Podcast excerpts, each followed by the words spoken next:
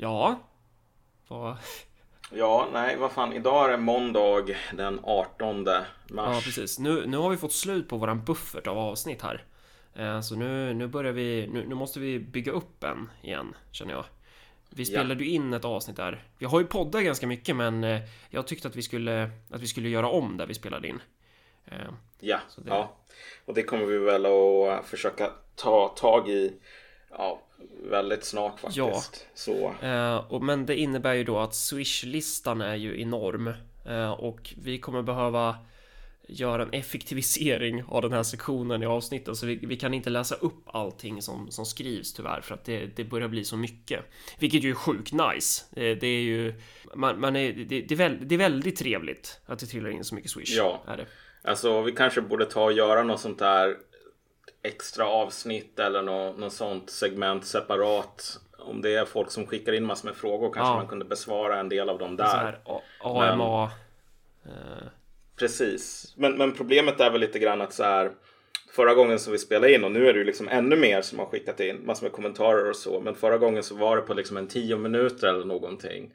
Och det är väl kanske inte alla som vill sitta och lyssna så här. Ja, nu är det ämne X, men först 20 minuter eller 15 minuter av bam. Det var, det var så det kändes att lyssna på Kokta Grodan. Det, var, det kändes som Ja. att det var det enda de pratade om, deras, deras swish typ. Men eh, vi gör så här, jag, lä- jag säger tack till samtliga och sen så läser jag några utvalda här. Så jag säger tack till Per, Anna, Sten, Bo, Rolf, Andrea, Per, Marcus, Andrea, Jonas, Martin, Daniel, Olof, Kenny, Peter, Martin, Anton, Henning, Tord, Peter, Daniel, Peter, Jonas, Jack, Jack igen, Jonas, Oskar, Erik, Anna, Tommy, Alexander, Tord, Robert, Fabian, Erik, Peter, Sten, John, Edvin, Alexander, Björn och Björn. Ja, Tack stort mycket. tack till, till er alla. Eh, och sen ska vi läsa lite grejer här. Jonas skriver Krollblade. Ja, definitivt. Mycket bra sagt. Eh, och Marcus skriver mycket bra avsnitt. ÖP behövs på riksnivå. Då kanske man tänker, är, är det jag som har swishat? Personen stavar ju med K faktiskt. Men nej, det är det inte. Eh, så ja, det är klart ÖP behövs på riksnivå. Är, frågan är bara hur man, hur man lyckas bygga ett sånt på riksnivå. Eh, men ja, ÖP behövs, ja, så är det. Så är det ju verkligen, givetvis. Eh, vilket Paradox-spel är bäst, undrar Daniel. Victoria 2, No Contest. Det är så. Nej, nej, Victor... Alltså när du researchar teknologi liksom så finns det revolution och counter-revolution liksom som det är en bild på Lenin på. Så alltså bara, bara rent estetiskt så är det ju överlägset. Och man kan göra Sverige till en eh, internationell stormakt som håller på att typ invaderar andra länder för att installera så här kommunistiska regimer. Det, så. jag förstod ju ingenting av Victoria 2 när jag skulle spela det. Eh, Men eh, det jag har förstått är i alla fall att för man ska kunna ändra sin parlamentariska komposition så måste också klasskompositionen först vara ändrad. Vilket Ja. gör så här, det är ju materialistpoäng där. Eh, Mm. Paradox ska alltså förlänas eh, någon, någon form av fosterlandsmedalj då, eh, en, en vacker dag. När, när solen strålar mera klar.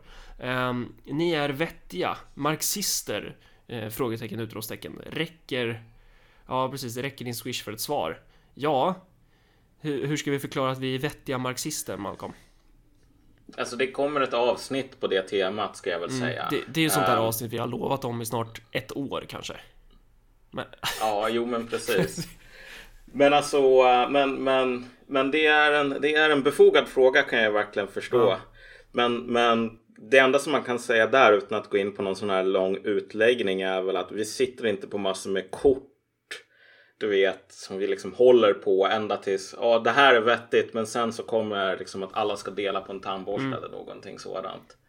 Så att alltså den här diskussionen om etiketter ehm, blir alltid jävligt awkward Ja. på grund av ja, verkligen. saker och ting ändras. Liksom. Historien fortsätter och så vidare. Men, men det, det är väl...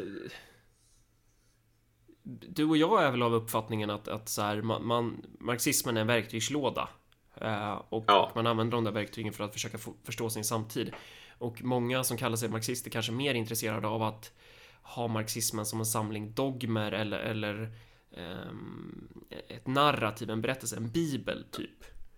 ja, en sekulär religion ja. där de är de, de utvalda. Och enligt dem så var... är ju du och jag ja. kättare och vi är ju inte marxister. Så det är ju ja, trädigt läge.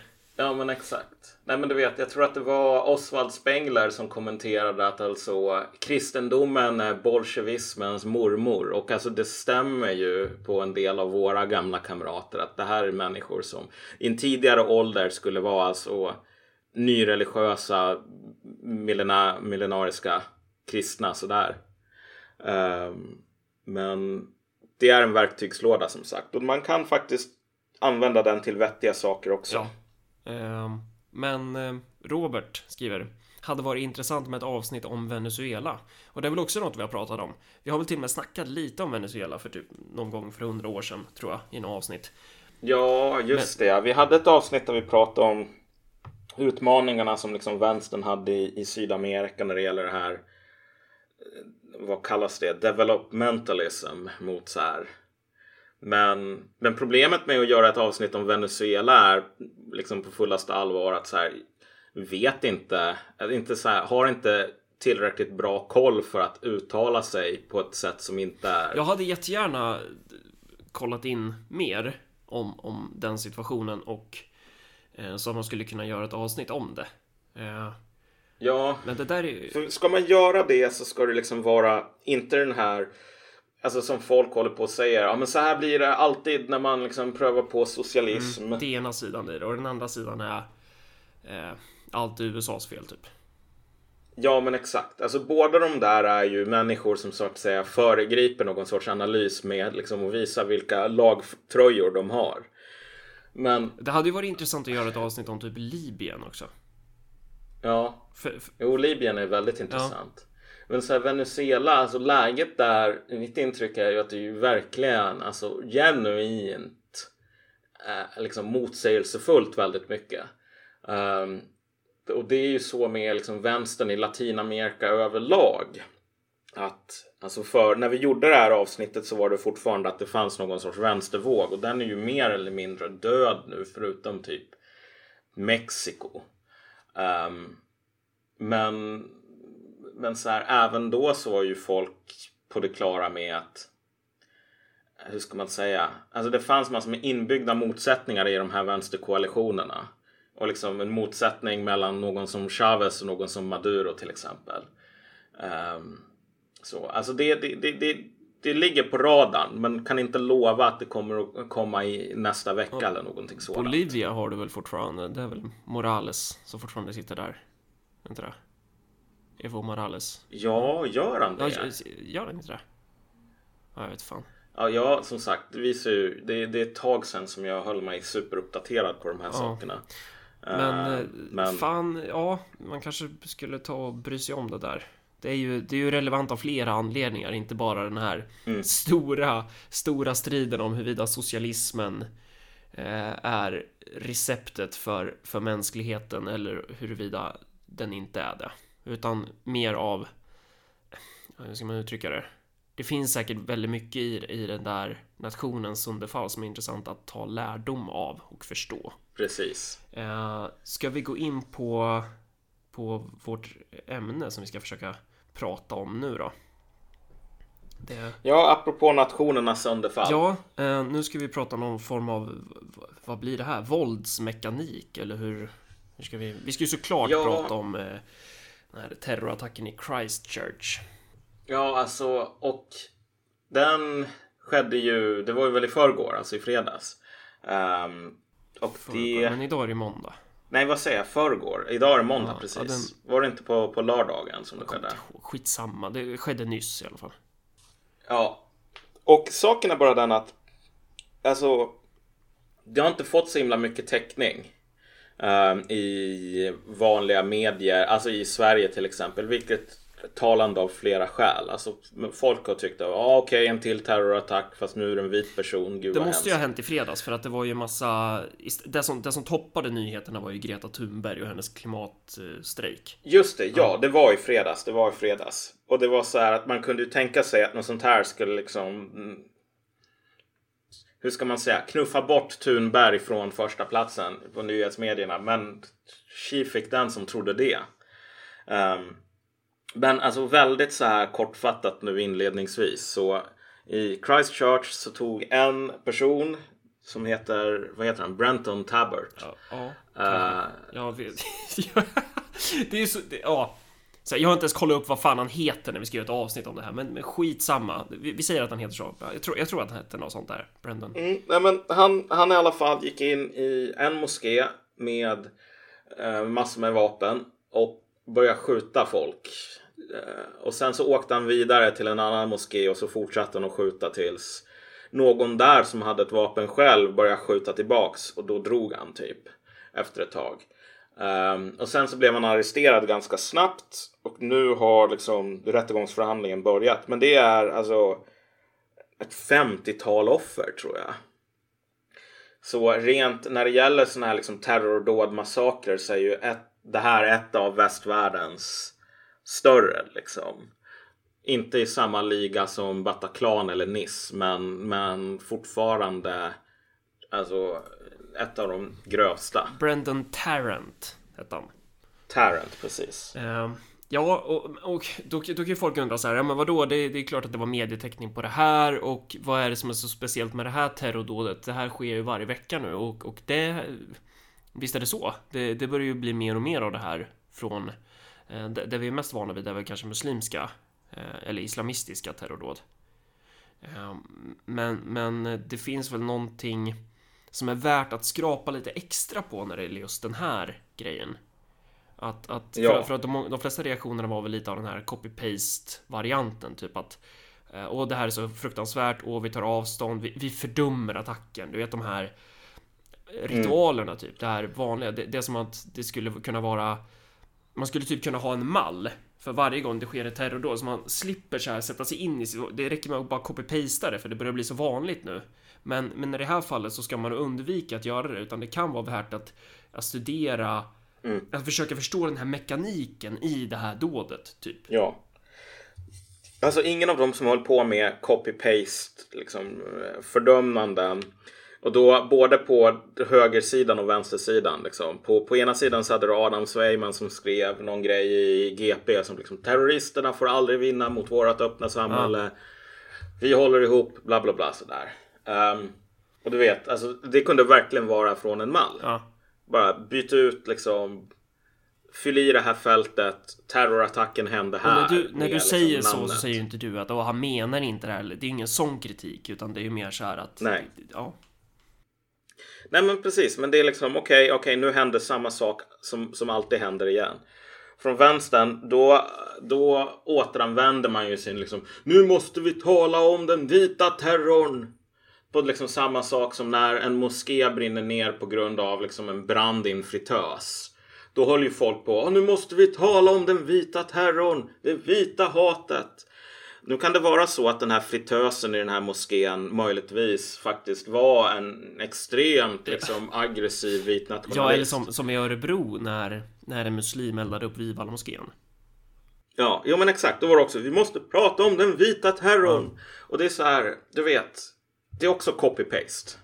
Det är, man gör inget nytt tankearbete. Och man, man skriver de här sakerna innan man ens vet detaljerna. Så det är liksom en muslim eldar på, det är en olycka, okej, whatever. Måste ändå prata om den vita terrorn. Men det finns någonting, alltså folk fattar verkligen inte hur stort det här är. Alltså hur... Um, hur avgörande och hur... um, alltså vilket omen det här är. Du, du tror, ja du tror det? Att det är liksom? Ja, jo, jag, jag, jag är ganska säker på det. Jag menar det första som man kan väl säga är typ vad var det jag sa? Jag skrev liksom förut att alltså, det kommer förr eller senare en poäng eller en punkt där folk börjar slå tillbaks. Men man ska inte lura sig och tro att folk slår tillbaks är alltså det, det riktigt relevanta här. Men, men för det, är så här, det här är Nya Zeeland. Har de ens muslimer Mm. Alltså, det, Ja, men alltså jag tror att de, många av dem är ju så från så Indonesien. Så det är ju inte så här arabchauvinism som de har att hantera, vilket ofta är problemet i, i liksom väst här. Ehm, så det finns muslimer, men det finns inte många och det är liksom en ganska annorlunda sorts muslimer på många sätt. om vi ska försöka besvara varför du tror att det här är en skitstor grej, eller vad, det, det tror jag också. Um, sen vet inte jag vad det här kommer leda till, men, men jag tycker definitivt att det är ett intressant dåd att diskutera. Uh, och man skulle ju, för, för någonting som är ganska vanligt är ju att uh, jag tror att vi inte är så vana vid att försöka göra en klar definition av olika våldsdåd och försöka kategorisera dem i olika ja. fack typ. Eh, och det är ju inte alltid så lätt kanske. Vissa våldsdåd kanske har både karaktären av typ en skolskjutning men också karaktären av, av ett terrordåd. Jag vet inte. Men, men just det finns ju typ eh, skolskjutning som genre i princip. Och sen så finns det ju den här typen av dåd och det här är ju inte riktigt en skolskjutning om man säger så. Det här är ju en helt annan karaktär om du jämför med till exempel att gå postal som det heter i USA. Ja. Exakt, och det är också därför som folk um, som man tycker borde vara de som faktiskt lägger med, liksom, hur ska man säga, som faktiskt fokuserar på det, på det som har hänt. Alltså de bryr sig inte därför att de tror att det här är, ja men du vet, våld som våld som våld. Och så tänker de, ja men du vet, Dylan Roof eller vad han nu heter, han gjorde redan det här, så liksom vad är det som är nytt? Men, men grejen är att du tog upp det här med school shootings. Um, och grejen är, school shootings börjar ju inte i skolan faktiskt. Utan de hade liksom en föregångare som var så eh, människor som jobbade på posten som började liksom massakrera folk, alltså sina arbetskamrater typ. Och det här skedde samtidigt som en sån här massiv våg av alltså nedskärningar och liksom Reagans offensiv mot massor med yrkesgrupper. Alltså sådana här air traffic controllers, folk som jobbar på posten och så vidare. Um, och det som hände var ju att när du skulle hålla på och ta typ New Public Management och nyliberalism från helvetet och tvinga det på den amerikanska posten. Så var det ju folk som bara gick sönder. Uh, och liksom bara flippa ur, det brann i proppskåpet. Men det som de gjorde det var att ta med sig vapen till sin arbetsplats och så började de skjuta på sina arbetskamrater. Uh, som typ du vet, jobbade i precis samma miljö. Det var inte de som hade bestämt att det skulle vara det var, så. Alltså var, var, det då det är därifrån begreppet postal kommer då för att det var många brevbärare yeah. som, som gjorde det här då eller? Ja, var... eller inte brevbärare men folk som jobbade på så här distributions ah, sånt okay. liksom. Och det var verkligen, det var verkligen um, typ en epidemi av den typen av vålds... Ja, alltså det var någonting väldigt nytt. Mm. Alltså man, man förstod inte var det här jävla besinningslösa våldet kom mm. ifrån. Alltså det var, det var, var, var, var bara sjukt. Men alltså efter ett tag sen så har som du sa att det var en genre tidigare. Den här sortens våld är extremt bundet av alltså troper och liknande.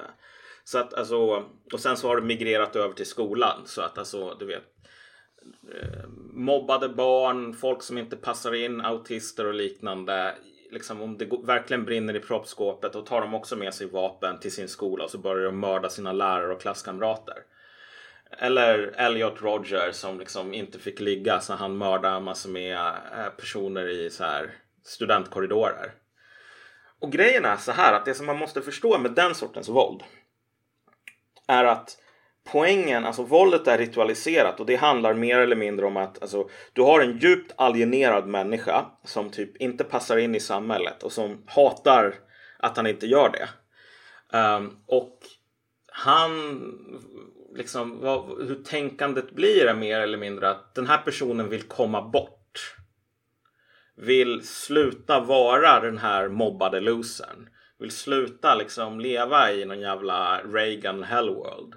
Men det enda sättet som man kan föreställa sig att göra det, det är mer eller mindre att kapa på något nästan liksom metafysiskt plan. Kapa alla banden till det omgivande samhället, till allt det som symboliserar det man hatar. Eller symboliserar liksom ens alltså fastlåsning i ett samhälle som, som, som inte behöver. Man attackerar sin vardag på något sätt. Man attackerar ja, den vardag alltså, som man anser begår övergrepp på en själv. Exakt. Alltså, ja. och, och de här människorna behöver inte alls vara dumma i huvudet. De förstår ju i regel precis att alltså så här, det är inte den här lärarens fel att ens klasskamrater mobbar en. Det är inte ens arbetskamrats fel att liksom alla de här nedskärningarna och avhumaniserande eh, arbetsplatsåtgärderna liksom, sker. Men alltså det här är ett liksom, det är en metafysisk jakt på någon sorts liksom du vet, som om du tänker dig buddhister. Det här nirvana. Li, eh, världen är ett, en cykel av lidande och du kan bara liksom nå någon sorts frid om du alltså lyckats ta dig ur den här cykeln av födelse och på nytt födelse. Alltså det är ungefär samma sorts tänkande. Man måste ta sig ur någonting. Och det enda sättet man kan göra det, det är att förstöra allting som är runt en.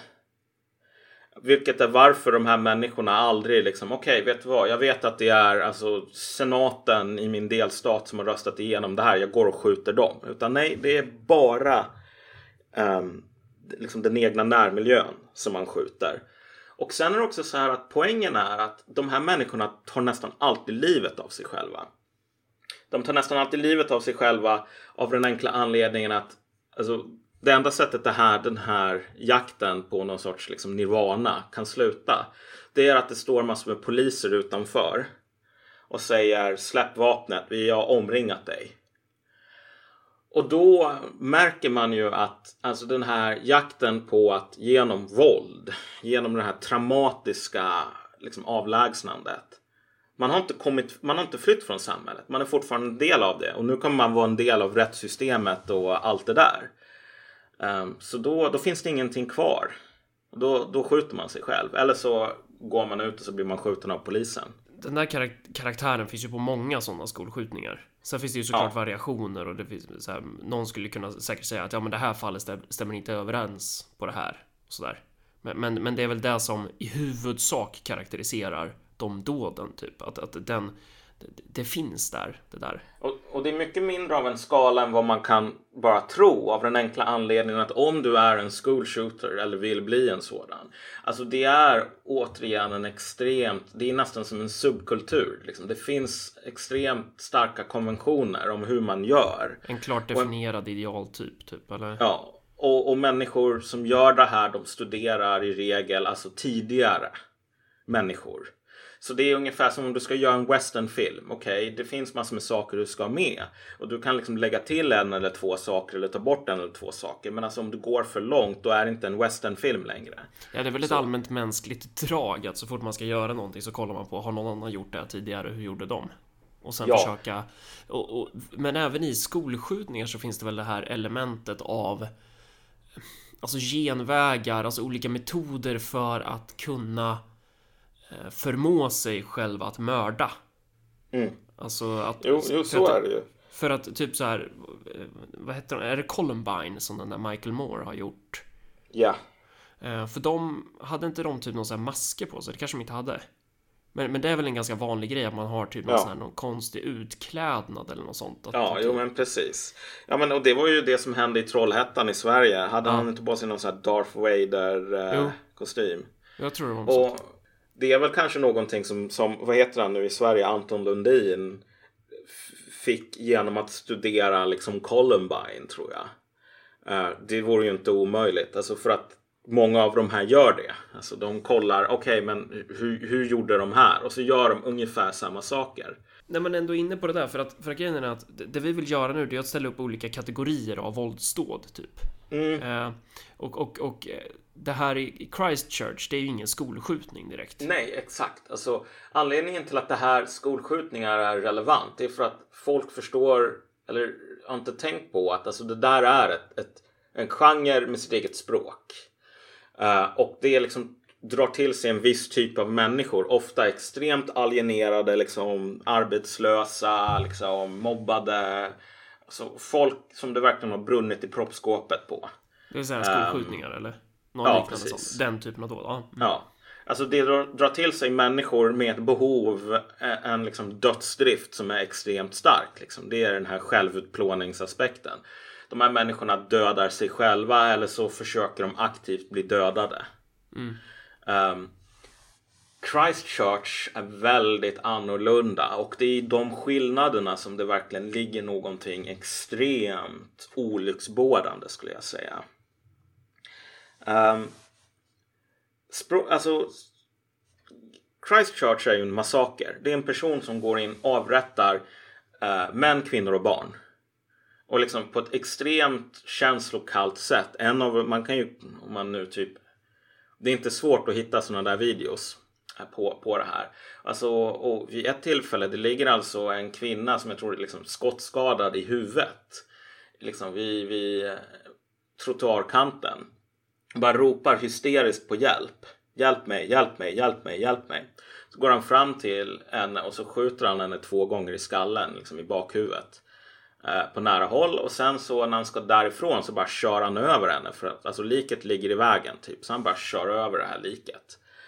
Um, liksom, det här är och det, det, som irriterar mig på ett plan liksom också är de här människorna som bara åh det här är hemskt. Liksom, om man kollar på de här grejerna och säger ja vet du vad jag tycker fan det var lite hemskt när liksom den här hysteriska kvinnan blev avrättad liksom. Alltså det är ju det, det, det är liksom orden räcker inte till. Mm. Liksom. Så, så många av de här som säger Gud så hemskt, nu händer det här igen, Gud så hemskt. Alltså det här är en, en ritual som är att jag behöver inte tänka på det här längre. Liksom. Mm. Du vet, jag har gjort min, min, min offentliga botgöring. Liksom. Men, ja, men, fast, fast de kan ju tycka att det är hemskt också.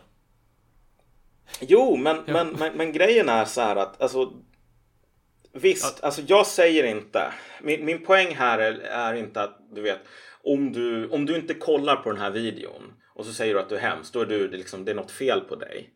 Alltså det är helt normalt att säga att sådana här saker är hemska. Men poängen här är bara att alltså det är en undanflykt. Alltså det som sker här, alltså det är en undanflykt på många, på många nivåer. Och då måste vi komma till det här med vad folk håller på att säga om den här gärningsmannen. Att han är ett monster. Att han är feg. Alla de där sakerna. Det här är farliga saker att säga. De är farliga därför att de känns nice men de är extremt långt ifrån sanningen. Mm. Um, och det är där som då skulle kunna som man då skulle kunna definiera som den här undanflykten då. Att istället för att försöka dissekera. Eh, den här handlingen och eh, försöka förstå den så nöjer ja. man sig bara med att säga att det är hemskt. Medan ja. din poäng är att nej, man måste gå längre, man måste förstå det Ja, här. alltså det, det som är hemskt, eller värre än hemskt i det här mm. läget är att i en school shooting, någon som Elliot Roger, a.k.a. the Supreme Gentleman, han var, han var koko i bollen. Och jag menar om man läser hans manifest så är han ju liksom så, han har en sån självinsikt så att han säger att nej men jag är typ, det är någonting allvarligt fel på mig. Um, och det vore nice kan jag säga. Det vore nice om vi levde i en värld där den enda sortens person som var kapabel till att hålla på och massakrera typ 50 män, kvinnor och barn. Att man kunde ta förekomsten av en sån massaker som ett automatiskt intyg på att personen i fråga var galen. Men det och många gånger har man kunnat göra det. Det kan man göra med liksom Elliot Roger. Det kan man göra med liksom folk som går postal. Och det är väl lättare Men, att göra det där i typ fredstid då våld inte är lika normalt tror jag. Ja. Eh, för att då är man så främmande för det. Man kan inte tänka sig att att brutalt våld är någonting som vilar inherent i varje människa. Och det som fattas, det är liksom för att det här ska utlösas så krävs det bara någon form av teknologi eller metod för ja. att det här våldet ska få ett utlopp. Och jag inser nu att jag har gått lite grann som katten kring het gröt. Uh, så, så låt mig bara säga vad, vad min, min misstanke här är kring det här. Jag tror att vad den här snubben Tarrant gjorde, mm. vad han har lyckats med, det är något så monumentalt som han har lyckats gå in och avrätta typ män, kvinnor och barn, 50 stycken. Utan att för den skull behöva vara ett monster. Mm. Och nu kommer folk att bara, ja ah, men vet du vad, så du menar att det är okej okay att avrätta folk? Och det är inte alls det som min poäng är. Min poäng är så här att eh, de flesta människor förstår att det är någonting som är alltså extremt hemskt och äckligt och traumatiskt att döda andra. Uh, och att det här är någonting som orsakar enorma skador på någon annans psyke och hålla på med det. Men alltså all mänsklig historia visar att sättet som vi tänker på, vilket är att det är bara psykopater som kan hålla på och döda. Medan du vet, vanliga människor klarar inte av det. Alltså det är en lögn. Det är en lögn som vi berättar för oss själva. Och och i fredstider så kan det vara nice att göra det. det. Det gör ingen skada. Men nu börjar det bli aktivt farligt att berätta den lögnen. Alltså att um, det som de flesta människor är kapabla till att delta i massakrer skulle jag säga. Uh, det, det är mitt grundläggande argument här. Men för att de ska vara kapabla till det så måste de så att säga genomgå någon sorts träning. De måste liksom få bort de här spärrarna. Exakt. Och, och exempel på att få bort spärrar, det är ju typ som om du, om du ber en amatör attackera någon med en kniv. Då mm. kommer den personen försöka skära. Istället för att sticka. För att det är mm. någonting i oss som säger att det är fel att, att, att, att sticka typ. Det, det finns en spärr ja. typ. Alltså du, du kan döda en person med ett sticksår. Ja. Uh, du kan inte döda en person på samma sätt med ett skärsår om du nu inte skär halsen av den här mm. personen. Uh, sticksår är extremt mycket farligare vilket betyder att otränade människor uh, nästan automatiskt undviker sticksår. Därför mm. att de har den här spärren uppe i skallen som är liksom jag, om jag sticker den här personen förstår de kommer den personen kanske att dö. Mm. Man vill inte göra det. Så att ska man träna någon att slåss med kniv så är det inte bara liksom att lära någon liksom hantverket utan det är att ta bort spärrarna. Ja, och det är väl det som är grejen med arméer och, och brutala regimer. Man måste ju alltid hitta olika metoder för att att träna bort de här spärrarna på ett systematiskt plan typ. Men, men, men, men skillnaden här, om vi ska bara eh, innan vi hoppar på något nytt, eh, mellan en sån här postal så här skolskjutning och den här typen av, av dåd i, i Nya Zeeland, den typen av terrordåd, är väl att eh, skulle, så här, håller du med om att man skulle kunna säga att skolskjutning brukar vara av en mer introvert karaktär? Ja. Typ? Att det är liksom eh, och det låter kanske, kanske konstigt att säga det, men, men det här dådet är ju, är ju av en mer extrovert karaktär. Ja, att det, det, finns en, det finns en, det finns en så mycket djupare plan med det här än att bara, jag ska bara döda, jag ska döda lite muslimer typ, utan det, det, finns ju många eh, punkter eller vad man ska säga, det finns många aspekter i det här terrordådet som, som skriker eh, att det är väldigt planlagt. Ja, exakt. Och det är planlagt och det är ju, alltså vi kommer till det här med planeringen och liksom hur väl genomtänkt allt det här är och liksom att det i sig är extremt talande. Men alltså den, den, den stora grejen här att um, gamla sådana här liksom terrordåd, så här vita män som tar en jävla gevär typ så här. Det har varit mycket, om du tänker dig som en cancercell, det är någonting som går fel. Och så liksom blir den extremt skadlig för omgivande celler. Uh, men det är fortfarande alltså det tecken på en trasighet som orsakar den här faran. Um, den här snubben, min poäng, min, min centrala poäng, han behöver inte vara så himla trasig. Nej, och, och allting talar för att han inte är det. Att ja, han är, inte är, är frågan, en galning. Ja, och då är frågan varför? Varför är det så? Varför? Ja, alltså Um, det, finns, det finns flera aspekter, men jag tror att innan vi kommer in på dem så alltså uh, jag har en bokrekommendation som är verkligen den som känner sig skeptisk inför det som jag just sagt. Mm. Det finns en bok som heter Ordinary Men som handlar om en alltså, tysk reservpolisbataljon uh, som blir skickad till Polen och sen tar del i förintelsen. Och den boken är alltså, den är på ett plan nightmare fuel. Just på grund av att det är inte en bok som handlar om monster. Den handlar om vanliga människor. Um, och, och den också poängterar en sak som typ alla har glömt eller har förträngt. Vilket är att majoriteten av förintelsen skedde inte i gaskammare. Um, ehm, gaskammare var någonting som man nästan blev tvungen att uppfinna Därför att sättet som de flesta judarna dog på, vilket var att bli avrättade ute i någon skogsparti, orsakade sådana enorma liksom, skador på människorna som höll på med det. Um, men... var, var det så i början att, att man hade en annan form av eh, systematik i massmordet typ? Att ja, alltså, hade... ja. Alltså ja. man sköt folk. Mm. Man avrättade folk. Och då var det, då var det samma, samma personer som sköt de här människorna var också de som skulle gräva gravar och det var de, de skulle göra hela processen typ. Ja, alltså många gånger så var det väl judarna som grävde gravarna de skulle ligga i sen. Ja, men alltså inte alltid. Och det var väldigt ad hoc också. Mm. Så här. Um, alltså, men, men, men grejen var ju att alltså,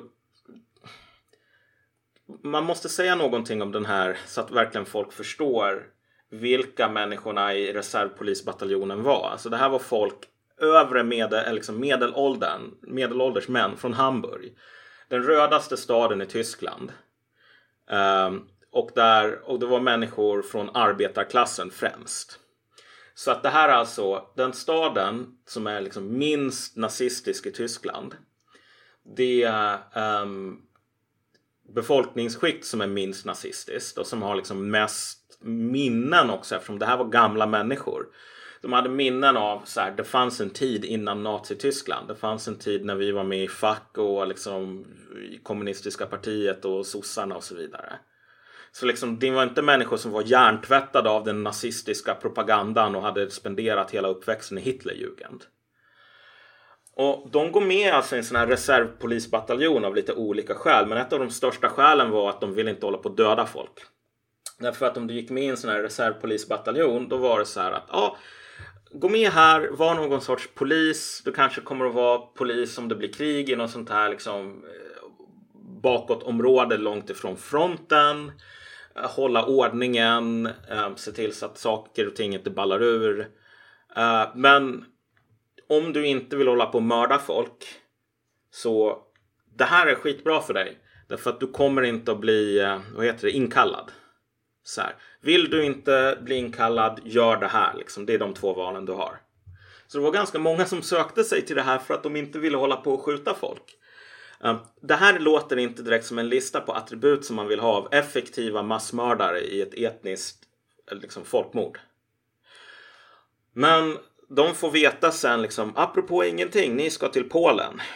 Så här. Och så blev de flyttade till Polen och sen så fick de veta apropå ingenting. Imorgon ska ni döda tusen judar. För att de behöver dö. Um, och som sagt, det var inte fanatiska SS-soldater här inte. Och grejen är att det slående med den här boken, det är att de här människorna um, i början är det här mördandet extremt traumatiskt. Alltså det leder till liksom jättestora liksom, psykologiska men. Men, i, men mot slutet så har folk vant sig. Um, de har vant sig och de har utvecklat olika strategier för att de skulle kunna döda folk uh, utan att gå sönder. Och vad nazisterna la ner extremt mycket tid på. Inte någonting som de här var de här jävla gubbarna till godo. Men alltså det var någonting de hela tiden funderade på. Det är så här. Hur kan vi få folk att mörda folk utan att gå sönder? Du vet som i Full Metal Jacket i, finns det ju det här citatet från han Joker. The Marine Corps does not want robots. The Marine Corps wants killers. The Marine Corps wants to build indestructible men. Men without fear. Och nazisterna hade ju precis samma problem. Att alltså så här, de behövde människor som var kapabla att utföra det här extremt smutsiga och tra traumatiserande arbetet. Eh, utan att liksom... Utan att gå sönder i PTSD typ. Eller ja, känna att, att, jag dödar människor. Ja. Att det är liksom... Så, och en metod man använde var väl primärt typ arbetsdelning. Exakt. Att, att man delar upp eh, massmordet i ja, men i olika moment och att varje arbetare, att varje mördare eller varje, varje person som är, som är en del av massmordet eh, ansvarar för en litet, ett litet moment typ. Exakt. Uh, det var en av de sakerna som gjorde att folk kunde liksom distansera sig från det de höll på med. Ja, men jag lastar bara på de här judarna på ett tåg. Ja, men jag, jag utför bara hälsokontroller och bara jag, jag liksom sådär. Jag sitter bara i vakttornet. Så. Jag, gjorde bara, jag, jag gjorde bara mitt jobb. Ja, med, medan de här ska, människorna... Man kanske inte ska jämföra förintelsen med Försäkringskassan och det är inte vad jag gör. Men det finns ju en liknande mekanik i kanske i det här med att det, det, är jävligt lätt att avslå en människa sjukpenning om man aldrig har träffat den människan eller liksom inte har en relation till den personen. Det är bara liksom ett, ett vad ska man säga, ett, ett, eh, ett ärendenummer på ett papper. Och så ska man bara jämföra det med några punkter typ. Att det kanske finns någon sån mekanik där. Alltså det, det här är att man, man är alienerad från, mm. från processen typ. Ja. Och, men, men grejen är att alltså reservpolisbataljon 110 eller 101 där de fick, de hade inte den lyxen. Det var liksom inte de de fick skitgörat och de fick skitgörat för att det var massor med sossar och kommunister och äldre människor. Man kunde inte skicka dem till fronten liksom. Hur gjorde de trodde de väl inte, va? Hur gjorde de då? Vad, vad kom de fram till? Hur, vad är det för metod de använder? Hur? Men alltså för dem, de fick de här uppdragen att bara döda folk. Det är så här, gå in i byn, det finns tusen judar här. Ja. Uh, samla ihop alla judar på en plats, marschera ut dem i skogen, döda dem. Och liksom bara så här att det, det tar alltså, det tog sådana där saker, det tog 14 timmar. Tänk dig en 14 timmars arbetsdag. Och att bara avrätta människor. Liksom på löpande band. Uh, alltså, jag rekommenderar folk att läsa den här boken för det är liksom så här, det, det är liksom absurda scener. Men vad, men vad liksom, hittar så. de för indiantrick då? För det finns ju massa olika sådana här. Det, det, det är ju typ det här med att amerikanska soldater som spelade så fotboll med vietnamesers huvud. Ja, det, ja, det, alltså... det, det, är en metod i att avhumanifiera. Det, är, ja. ett sätt man bygger upp. Det är som en slags magisk ritual för att bli ja. immun mot de här effekterna. Typ. Ja, exakt. Alltså de här människorna hade inte liksom Heinrich Himmler som sa men reservpolisbataljon 101, mina polare, självklart ska inte de få lida men utan man sket ju i hälsan hos de här människorna. Ja, hur, hur, gjorde de då? Um, alltså, ja, de, de hittade individuella lösningar, alltså psykologiska ja. bortförklaringar och rationaliseringar och så vidare. Um, och grejen är att den första gången så kunde de flesta, alltså det var ändå så här en 20-30 procent eller någonting som vägrade att skjuta. Men efter det då, då sjönk siffran liksom. Uh, och väldigt mycket så här ironisering typ. Väldigt mycket och bara uh, driva med allting. Uh, det fanns någon sån här polsk by som hette hette någon sån här konstig grej på polska som ingen kunde uttala det. Så de döpte om det till ett tyst ord som betyder så här det mänskliga helvetet ungefär. Så liksom det var inte människor som bara hurra! Så här, det är nice att hålla på och skjuta barn. Fan vad nice. Men liksom man bara ironiserade väldigt mycket. Um, men jag kan inte gå in på detaljer för det skulle ta för lång tid och det är på ett plan inte superintressant. Poängen som är central här är ju att, att man, man, människan försöker hitta typ så när man ska ta ut något varmt från ugnen Ja. Så kan man inte bara ta i den där plåten för då, då är det aj, aj. Så man tar en grillvante. Den här Precis. grillvanten är liksom ehm, Det är någonting man använder i för att lära sig att mörda också. Det, grillvanten är nyckeln som du tar bort spärrarna med. Ja. Eh, och, och om man tittar på det här dådet i Nya Zeeland då eh, så Alltså, det finns ju flera grillvantar här, men någonting som är centralt är ju liksom sättet som han filmar det här på. Bara det att han filmar det är ju, är ju intressant. Och det är ju inte en grillvante kanske bara för honom själv, utan det är ju en grillvante som är menad att, att delas. Det är ju det är en extrovert karaktär på den här grillvanten. Han går in där, det ser ut som ett First Person Shooter-spel. Man ser det här från liksom spelkaraktärens perspektiv och så bara skjuter han ner folk. Han använder ju, du sa ju det, han använde, var, använde han en AR-15? Jag, jag har aldrig ens hört om det här innan. Men, men det är väl också något så här stereotypiskt gevär, typ. Som är, som liksom brukar användas i den här diskussionen om huruvida man ska förbjuda vapen eller, mm. eller inte. Typ. Ja, men precis. Att det, det, det är massa såna här referenser.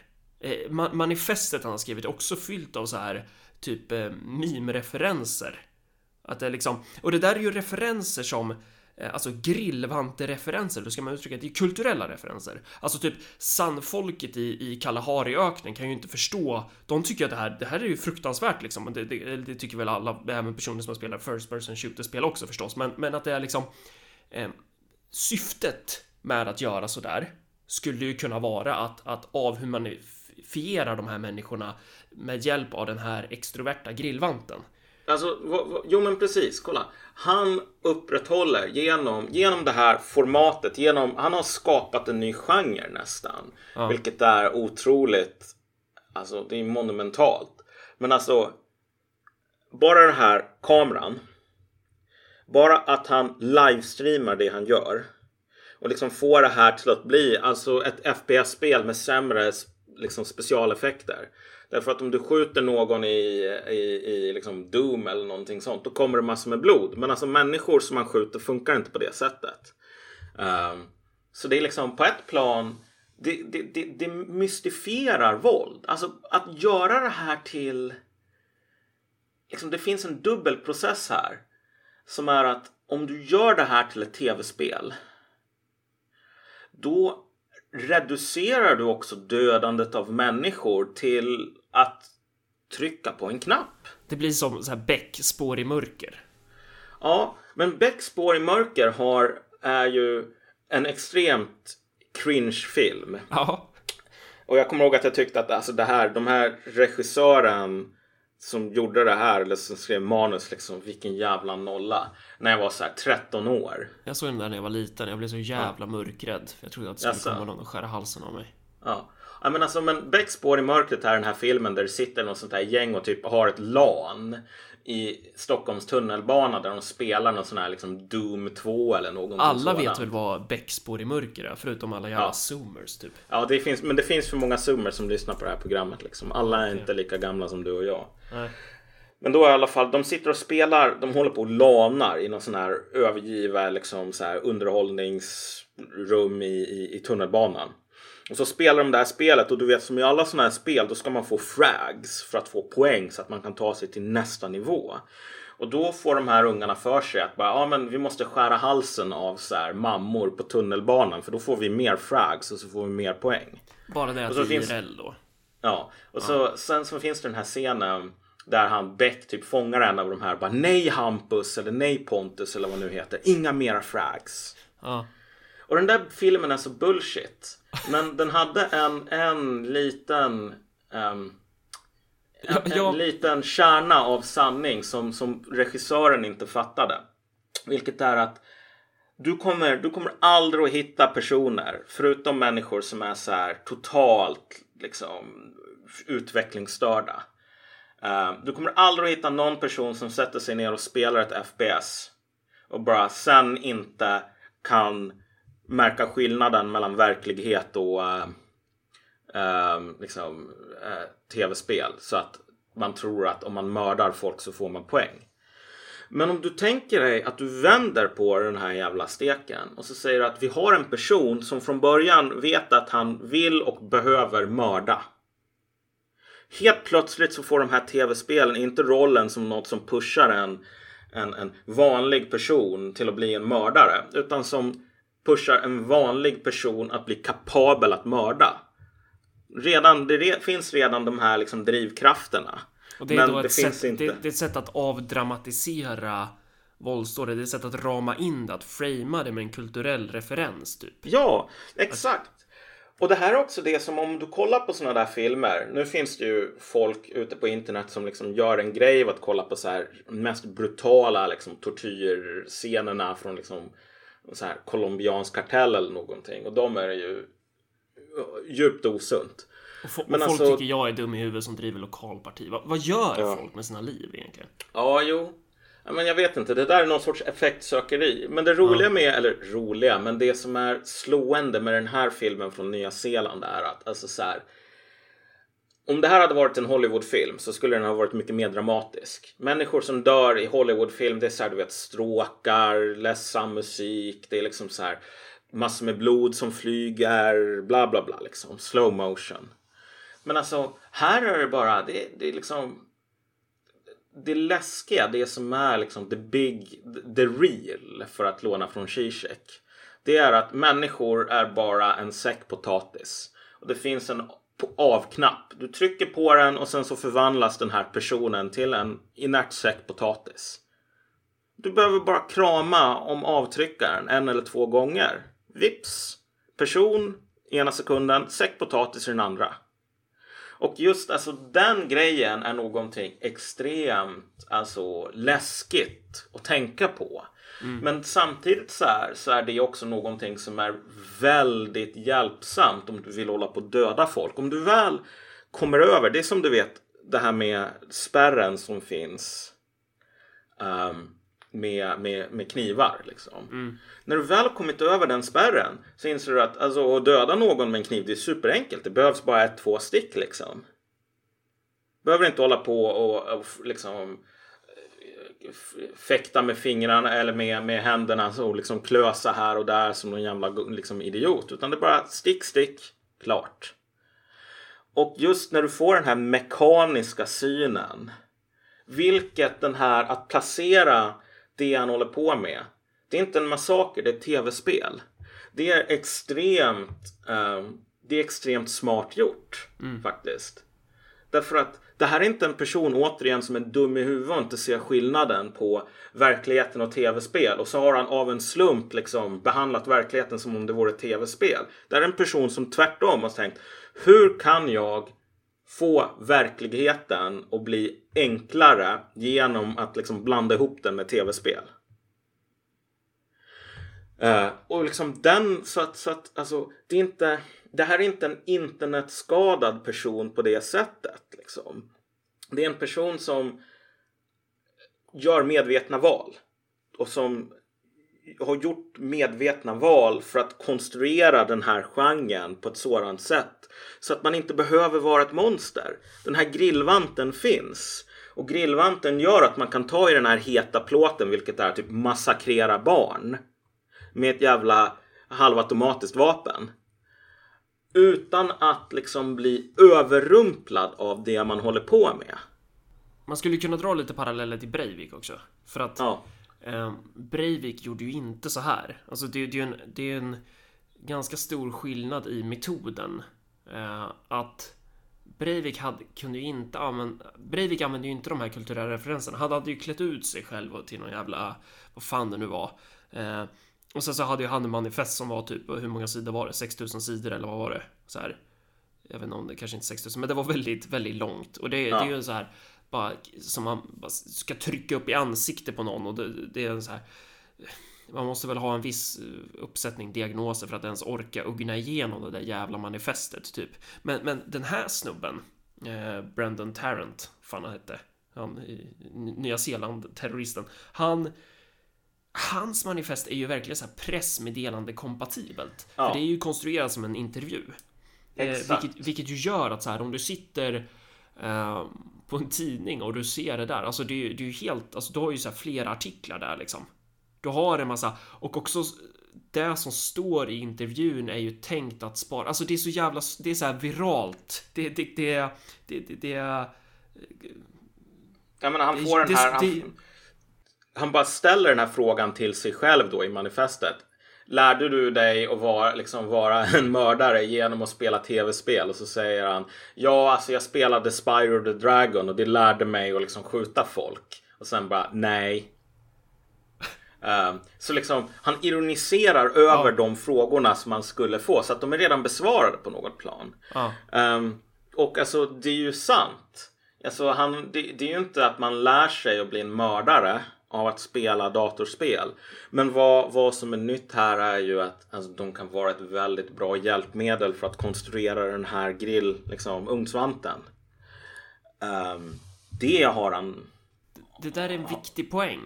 Uh, att, att det, det, vi säger nu är inte typ som att så typ så här bäckspår i mörker. Mm. Där, där så finns ju en den filmen är ju näst, skulle ju kunna vara som ett inlägg i den här diskussionen om att nej, men, barn ska inte få spela tv-spel för då blir de massmördare. Men våran poäng är ju så här att massmördare kan använda eh, kulturella referenser och i en annan kultur som inte har tv-spel så skulle man använda andra referenser. Då kanske man eh, vad ska man ta för exempel? Typ, det, det är väl ganska vanligt genom historien att man klär upp personer man ska offra, man klär ut dem på ett visst sätt. Man, man, liksom, man, man infogar de här grillvantarna i processen. Ja, men, um, men, ja, men precis. Alltså, det gäller att uppnå det här avståndet. Alltså, det ja. gäller att, att, gå och sluta vara sentimental och blödig och tänka så här. Um, jag håller på att döda andra människor och barn, individer. Och sen bara, vet du vad, jag håller på att tar ut säckar med potatis. Och någonting som också är intressant. Ja, men jag vill bara flika in en sak här bara, vilket är att du, du, nämnde att andra kulturer och andra grejer. Vi har fått lite frågor på den här liksom. Det, det, var inte en filippinsk dokumentär. Det är alltså som, som är det här mördarna som sitter och håller på och skryter om hur de gjorde. Utan det var en indonesisk dokumentär. Vad, har vi fått frågor om det? Vad pratar du om nu? Ja, nej men alltså jag har fått frågor till podden. För det var ju i tidigare avsnitt som vi bara sa det här med att Alltså du kan ha samhällen där det sitter massmördare och bara liksom Alltså i normala sammanhang och berätta så här gillar jag att våldta liksom de här muslimerna liksom. Uh, men grejen är att vad de gjorde de, de liksom så här, soldaterna i det jävla inbördeskriget. Ja. De låtsades att de var med i Scarface. När de låtsades att de var här? med i var filmer. Det... Har vi pratat om det här? Det kanske vi har gjort. Uh, ja, skitsamma. Men, men det... Ja. Men, ja, mm. nej, alltså fan, nu kom jag på. Sorry. Um, det var ju den här, jag tror att det var i Aron Flam. Um, då, då nämnde jag det att det fanns så här. Och då har det varit folk som har skrivit in frågor till, till Marcus och Malcolm. Ja, och Aron är ju så jävla lika så det är ju... Ja, jag vet, jag vet. Ja. Men, men hur som, alltså bara för att haka in i det som du sa tidigare att olika kulturer har olika grejer. Alltså du kan låtsas att du är med i Scarface. Ja. Och, och så får du, får du liksom en, en grillvante där. Men någonting som är... För man kan ju tänka sig så här, Nya Zeeland som sagt, hur många muslimer finns det där? Alltså vad, vad är ens... För att, för att någonting som man håller på med väldigt mycket, det är ju med referenser, så här, väldigt tydliga referenser till Sverige. Alltså det stod Ebba Åkerlund på geväret. Gjorde det väl? Eh, Ja, och det, precis. Och det är ju så här, han, han hade väl skrivit om Drottninggatan också. Mm. Att, att... Eh, och då är ju frågan hur man, hur man kan tänka kring det där. För att Sverige har ju däremot någonting som Nya Zeeland kanske inte har. Sverige har ju verkligen eh, och börjar få mer och mer i takt med att vi vägrar liksom bromsa det här tåget som är på väg käpprätt in i bergväggen. Det är ju att vi börjar få eh, bet, eh, bättre och bättre. Man, man börjar få förutsättningar för man börjar allt mer få förutsättningar för etniskt våld i Sverige. Ja, precis. Men, men det är ju den här referensen till Ebba Åkerlund är ju smart på flera plan. Alltså för att alltså poängen här tror jag är, även om man inte är medveten om det själv, att skapa en sorts en, en, en genre som du kan passa in en viss sorts subjekt i. Um, så att du kan liksom ta en viss sorts människa och den här människan som precis som typ 90% av alla lyssnare är fullt kapabel till att vara en mördare om man tar bort de här liksom spärrarna mot att överklocka eh, folk. Eh, och ta de människorna, vanliga människorna som finns. Genomgå någon sorts liksom eh, eh, process av distansering, ironifiering och sen ha en person som är kapabel att mörda. Och precis som IS som också har en sorts internationell, internationell liksom, en sån här schablongrej. Så det spelar ingen roll om du är någon sån här random ehm, pakistanier, född eller halvpakistanier som blir mobbad för sina stora öron eller om du är en kicker i Vivalla. Liksom, det finns ändå ett narrativ och liksom passa in det du håller på och gör i. Och, och man kan byta ut Ebba Åkerlund mot, mot massor med andra liksom. Men hur, hur menar du då? Alltså, förklara mer. Eh, Vad, vad är funktionen typ? Är det att man ska skapa ett sammanhang? Där man Ja, man då, skapar eller? ett sammanhang, Ja. man skapar ett narrativ. Och liksom en, en, en, en ytterligare sån här förklaring som gör att alltså det som jag gör kan jag hålla en viss distans till. Okej, de här barnen, synd om dem, men du vet, det var fan synd om Ebba Åkerlund också. Mm. Och det där har man ju Ehm. också sett om man går in på typ, ja men kolla Flashback-tråden typ. Ja. Att, att det är så här, eller, eller olika forum. Att det finns ganska mycket reaktioner som är så här, ah fan vad bra gjort. Mm. Eh, och frågan är om de reaktionerna, om det var lika många Jag vet inte fan, jag har inte läst hur hur det såg ut på Flashback när Breivik hade gjort, gjort sin grej typ. Men att, att det där kanske är någonting som kommer bli mer och mer. Att, man, att folk känner att eh, ja men det, det det här är legit, typ. Eh, och det är väl också det som är poängen med att, att ha med de här referenserna, att det blir tydligt att man, man, man försöker rättfärdiga ens handlingar och man sätter det i ett sammanhang och man konstruerar då ja. den här bilden av att det är, en, det är en kamp mellan olika sidor och vilka de här sidorna är. Eh, och om man, tänk, om man tittar då på Sverige, för att som sagt, frågan är ju så här, vad finns det för förutsättningar för etnisk, etniska konflikter i Nya Zeeland? Det kanske inte finns så jättestora förutsättningar för det direkt. Men i Sverige finns det ju det. Ja, det är därför som det är så oroande att det här skedde i Nya Zeeland. Just för att det visar att, skulle jag i alla fall säga, jag menar om, om, om, om, om vår teori är korrekt här. Så att det skedde i Nya Zeeland visar att det här är någonting som kan ske var som helst.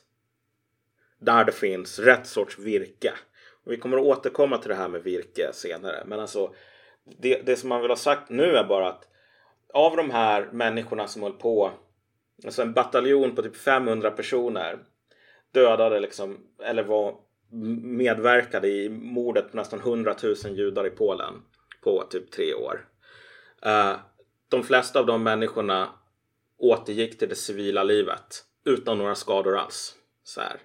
Alltså de fick väl säkert massor med hemska mardrömmar då och då. Men du vet, det var så normala människor som jobbade som poliser sen. Inte folk som typ gick active shooter och liknande. Men jag tror att om du hade tagit de människorna vi efter den här första massaken där folk håller på och spyr. Någon vaknar upp av en mardröm och börjar bara avfyra sitt vapen i taket på baracken liksom. Folk alltså gråter hysteriskt och liknande. Om du hade tagit dem och bara sagt okej, okay, vet du vad, åk tillbaka till Tyskland nu. Då skulle de flesta av dem antagligen ha gått, liksom dödat sig själva eller dödat sina familjer. Alltså så att poängen här är att vad som har saknats väldigt länge i väst. Eller om du tänker dig, alltså den, den diskursen, du har säkert hört massor med exempel på folk som säger så. Jag vet att jag har det. Det är så här att du vet i, i Sverige, okej okay, vi har massor med problem. Du vet liksom invandring, demografi etc. etc. Men så här, svenskar är kax. De är unikt svaga, fredsskadade så de sitter bara liksom och stirrar in i en vägg. Ja, eller tvärtom. Att svenskar är superior. Svenskar är mycket, ja. mycket bättre än de här uga folken som är vålds, ja. med våldskapacitet. Och just eftersom svenskar är överlägsna och så mycket bättre ja. än alla andra så kommer inte vi kunna göra såna här grejer. Ja, precis. Och det, alltså, och det där är ju någonting som du har sett. Det, det är ett väldigt populärt narrativ även inom så här extremhögern mer eller mindre. Den här, inte överlägsenhet för dem, men då den här totala underlägsenheten, fredsskadade. Det är så här judar och feminister som har liksom förstört någonting i vitaliteten. Men det alltså vad, vad Tarrant avslöjar att det där var bara en stor fet lögn.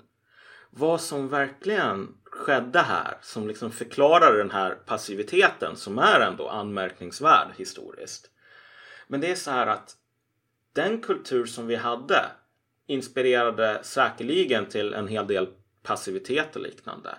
Men vad folk...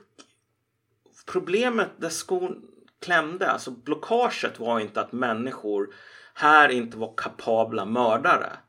Problemet var, eller att de inte hade den kapaciteten, liksom. för människor är människor. Problemet var att de inte hade den teknologin som är kulturellt betingad och olika i olika tider som alltid måste utgå ifrån liksom var du befinner dig, hur ditt samhälle ser ut. Vi från hade inte den ideologin typ. Ja, vi hade inte den teknologin som gjorde att vi kunde lära människor att vara mördare. Alltså lära människor att sticka, inte skära. Uh, och vi har nämnt det i tidigare avsnitt det här om magi att så här, indianer, nordamerikanska indianer uh, hade, var skrev upp sig i drivor till att slåss i första och andra världskriget och Vietnam. Trots att det här var människor som inte hade någon som helst lojalitet till det landet de slogs för liksom, utan hatade det. Men i intervjuer, en del av dem har ju sagt jag slogs för att alltså, jag kommer från en krigarkultur och jag ville se om det var liksom all that. Om, om, om vi indianer faktiskt var bra på att slåss. Och så visar det sig att de är bra på att slåss i termer av lider mycket mindre av posttraumatisk stress och sådana saker. De kommer tillbaks. Men det är ju för att de har de här ritualerna och liksom den här kulturella teknologin om vi säger så.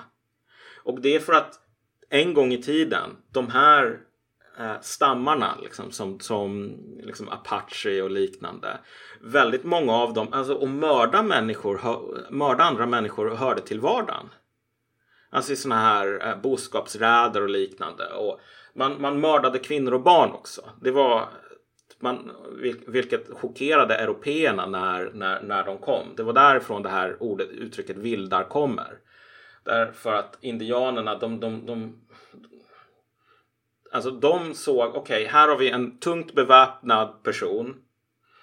Och sen så, två kilometer bort, hans fru och hans barn. Vad är mest rationellt att döda för att liksom sinka den här fienden? Det är ju att gå på frun och barnen. De kan inte slåss tillbaks. Uh, och du vet, alltså det döda en könsmogen kvinna. Det är säkert typ tre ungar man inte behöver döda sen. Så tänkte de och det var liksom en sån kultur.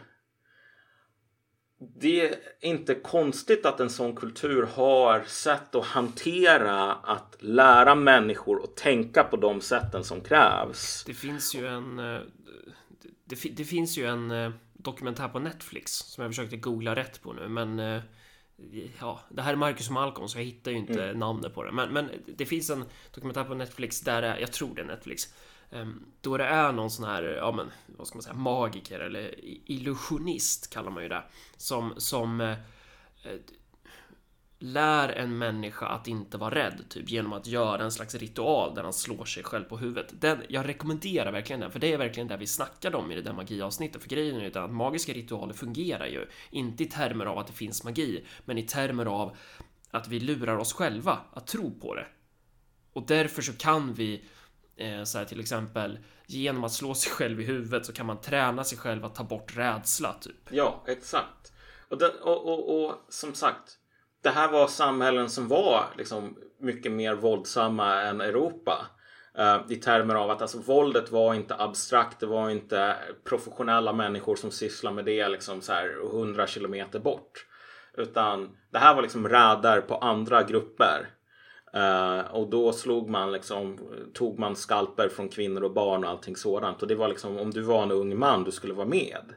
Så att de hade sina ritualer som var designade dels för att lära folk att liksom komma i rätt mindset för att kunna döda andra människor inklusive kvinnor och barn.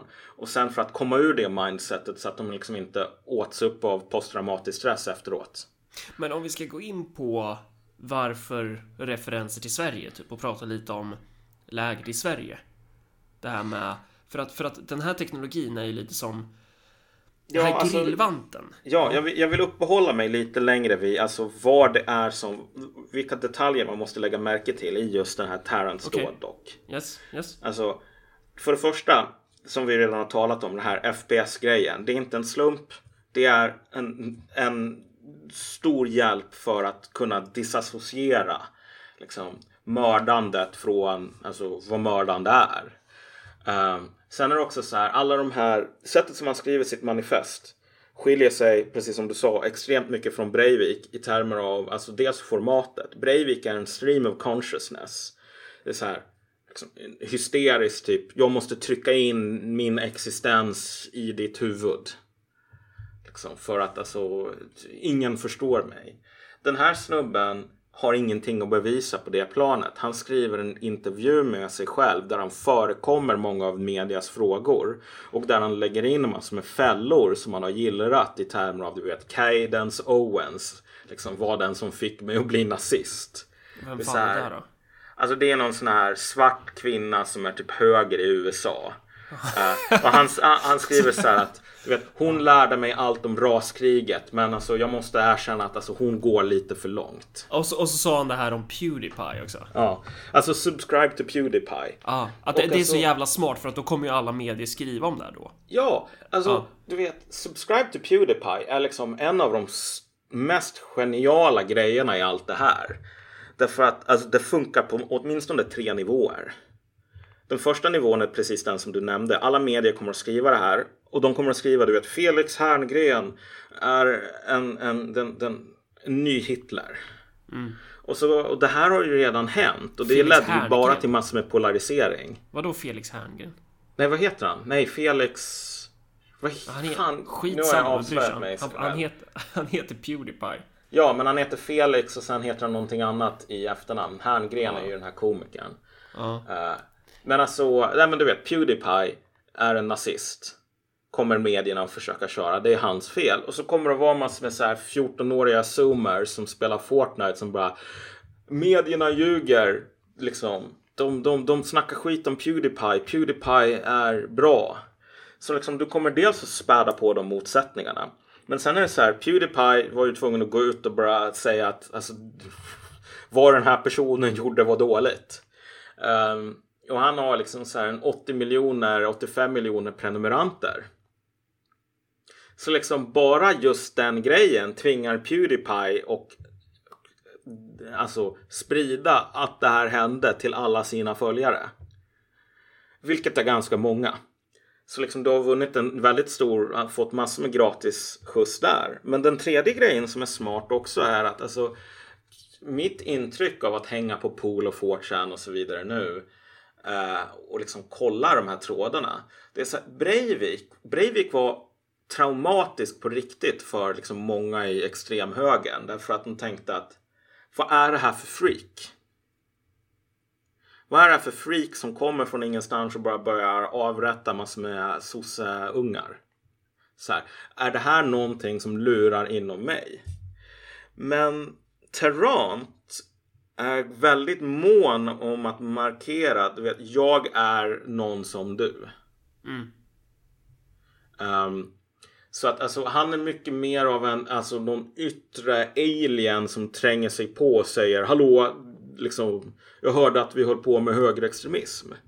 Liksom. Han är snarare en naturlig utväxt på den här kulturen på ett sätt som folk ändå kan känna igen. Alltså de behöver verkligen inte gilla det.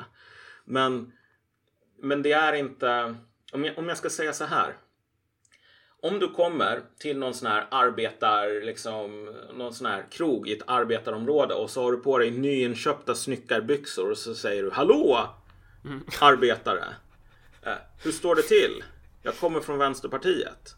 Ja. Alltså du kommer ju, alltså folk kommer att stöta bort dig som, man, som liksom vita blodceller liksom stöter bort liksom främmande bakterier. För att det finns den här grundläggande att det här är någonting annat. Men eh, vad han gör är ju motsatsen av det. Liksom. Hans jävla snickarbyxor, de är på riktigt. Och han har inte dem för att kokettera. Nej. Ehm, så så det, det är liksom väldigt många sådana saker som, som dels är designade för att vara grillvanten här. Och göra, avdramatisera, avmystifiera våld så att människor kan hålla på med det. Och då är det ju att vara grillvanten åt andra. Ja, exakt. Ja. Men sen så har han också de här, eh, liksom, de, de, de, hur man ska säga, de här stra- strategiska målen. Ja. som också är liksom inbakade i allt det här som, som alla av dem verkar vara väldigt genomtänkta i termer av att alltså, de kommer att infrias antagligen. Han väljer en AR-15 säger han medvetet. Just för att det här är den modellen som typ alla demokrater i USA håller på och klagar. Liksom, Ska folk få äga AR-15s? Okej, då väljer han en sån och så skjuter han 50 muslimer med dem för att bara öka på den här motsättningen som finns mellan demokrater och republikaner och så vidare. Ingen slump. Eh, han klottrar alla de här namnen för att det ska vara enklare att hålla på och ehm, liksom inordna det här i någon sorts kanon. Men vet du vad? Jag tror att det finns en, en annan anledning till varför det är så jävla mycket klotter på de här vapnen. Spela Counter-Strike Global Offensive, CSGO. Eh, och vad är det som de här spelen har hela tiden för att man ska liksom hålla på och tjäna pengar? De säljer skins. de säljer skins till sina vapen. Och en del av dem är ganska lika. Liksom, det är så här klotter, andra har bara så här massor med typ demoner och whatever. Men liksom så här. Så han har, han har en jävla skins på sitt vapen här då? Ja, exakt. Alltså det hakar in i det på ett liksom ganska naturligt icke krystat plan liksom. Att, att det, det, det, gör det liksom ännu närmare referensramarna för folk. den här grillvanten börjar ju mer och mer likna en professionell, precis som du var inne på det här med arbetare och snickarbyxor. Men det, det, finns, det är väl typ lite av en meme att man säger typ att Ja men den här Hello Kids, typ att man drar kepsen bak och fram, hoppar upp på sin skateboard, eh, ha, alltså man klär ut sig till en, till en ungdom så. Att, att han gör ju det här fast han gör det ju bra. Ja, alltså att, och han, att han, han liksom, klär inte ut jävla... sig. Nej, exakt. Klär inte ut. Det är, så, det är bara så sprängfyllt med såna här kulturella referenser. Ja. Alltså vad han visar är så här att kolla. Du kan ta den världen som du lever i. Pusha den ett par steg till. Och så kan du faktiskt vara kapabel att göra det som jag gör. Mm. Och, och det är ett, alltså på ett plan ett revolutionerande i, i mycket negativ bemärkelse. Ett revolutionerande budskap. Därför att en av de saker som verkligen är det som är en, en sorts liksom propp här. Det är att folk tänker att okej, okay, någonting borde göras. Men alltså du vet, jag är bara en random person. Mm allt i det han gör säger att det spelar ingen roll att du är en random person. För om man jämför med Islamiska staten, alltså deras grillvante ligger ju i eh, i narrativet om kufarerna, alltså de otrogna typ. Att de, där avhumanifierar man ju genom den berättelsen. Eh, men, men här avhumanifierar ju han genom ett subnarrativ typ. Ja. Hur ska man uttrycka det? Att det är mer så här ja, men som sagt kulturella referenser som är hans metod där. För att, för att man tänker ju att varför gör inte IS på det här sättet? De, jo, därför att de här kulturella referenserna kanske inte skulle eh, landa lika bra, de kanske inte skulle studsa lika bra. Nej, sätt. men precis. Så att, så att den, den referens man använder, det är religionen som är central, re, ja. religiöst narrativ. Och, och det finns liksom vissa likheter i liksom att IS ändå också har en, en ganska individualistisk, liksom internationalistisk eh, liksom schablon som de försöker eller som, som är designad för att du ska kunna vara en pakistanier i London eller någon sån här somalier i Vivalla och ändå liksom kunna passa in din upplevelse för att liksom ta de där extra stegen och bli en mördare. Um, men, men det här är ju, men precis som du säger, det är liksom det, det, man, metoden, resultatet blir lite lika men metoden måste vara annorlunda för att det är en sån annorlunda kultur. Uh, men, men här är, här är grejen. Alltså folk förstår verkligen inte hur farligt det här är på ett plan. Uh, alltså när du var och, och, de som verkligen inte förstår det här, som verkligen inte hade någon koll på att det här in, var på väg. Det var alt-right. Nu har alt-right liksom under ett tag levt på eh, Alltså typ att Hillary Clinton kallar dem det här stora hotet. Och så har de bara, ja vi är ett stort hot, Hillary Clinton har sagt det. Men alltså vad, vad Tarant har gjort på ett plan är ju avslöja liksom vilken total icke-faktor som alt-right var. Um, och nu kommer det vara massor med sura miner för bara åh nej vadå? Antingen så är det folk som säger ja vet du vad vi är skitbra, håll käften. Eller så kommer det vara folk som säger uh, jag läste i Expo att det här är Hitler liksom så hur vågar du? Men alltså men grejen med alt-right som man måste förstå med liksom deras språk politiskt.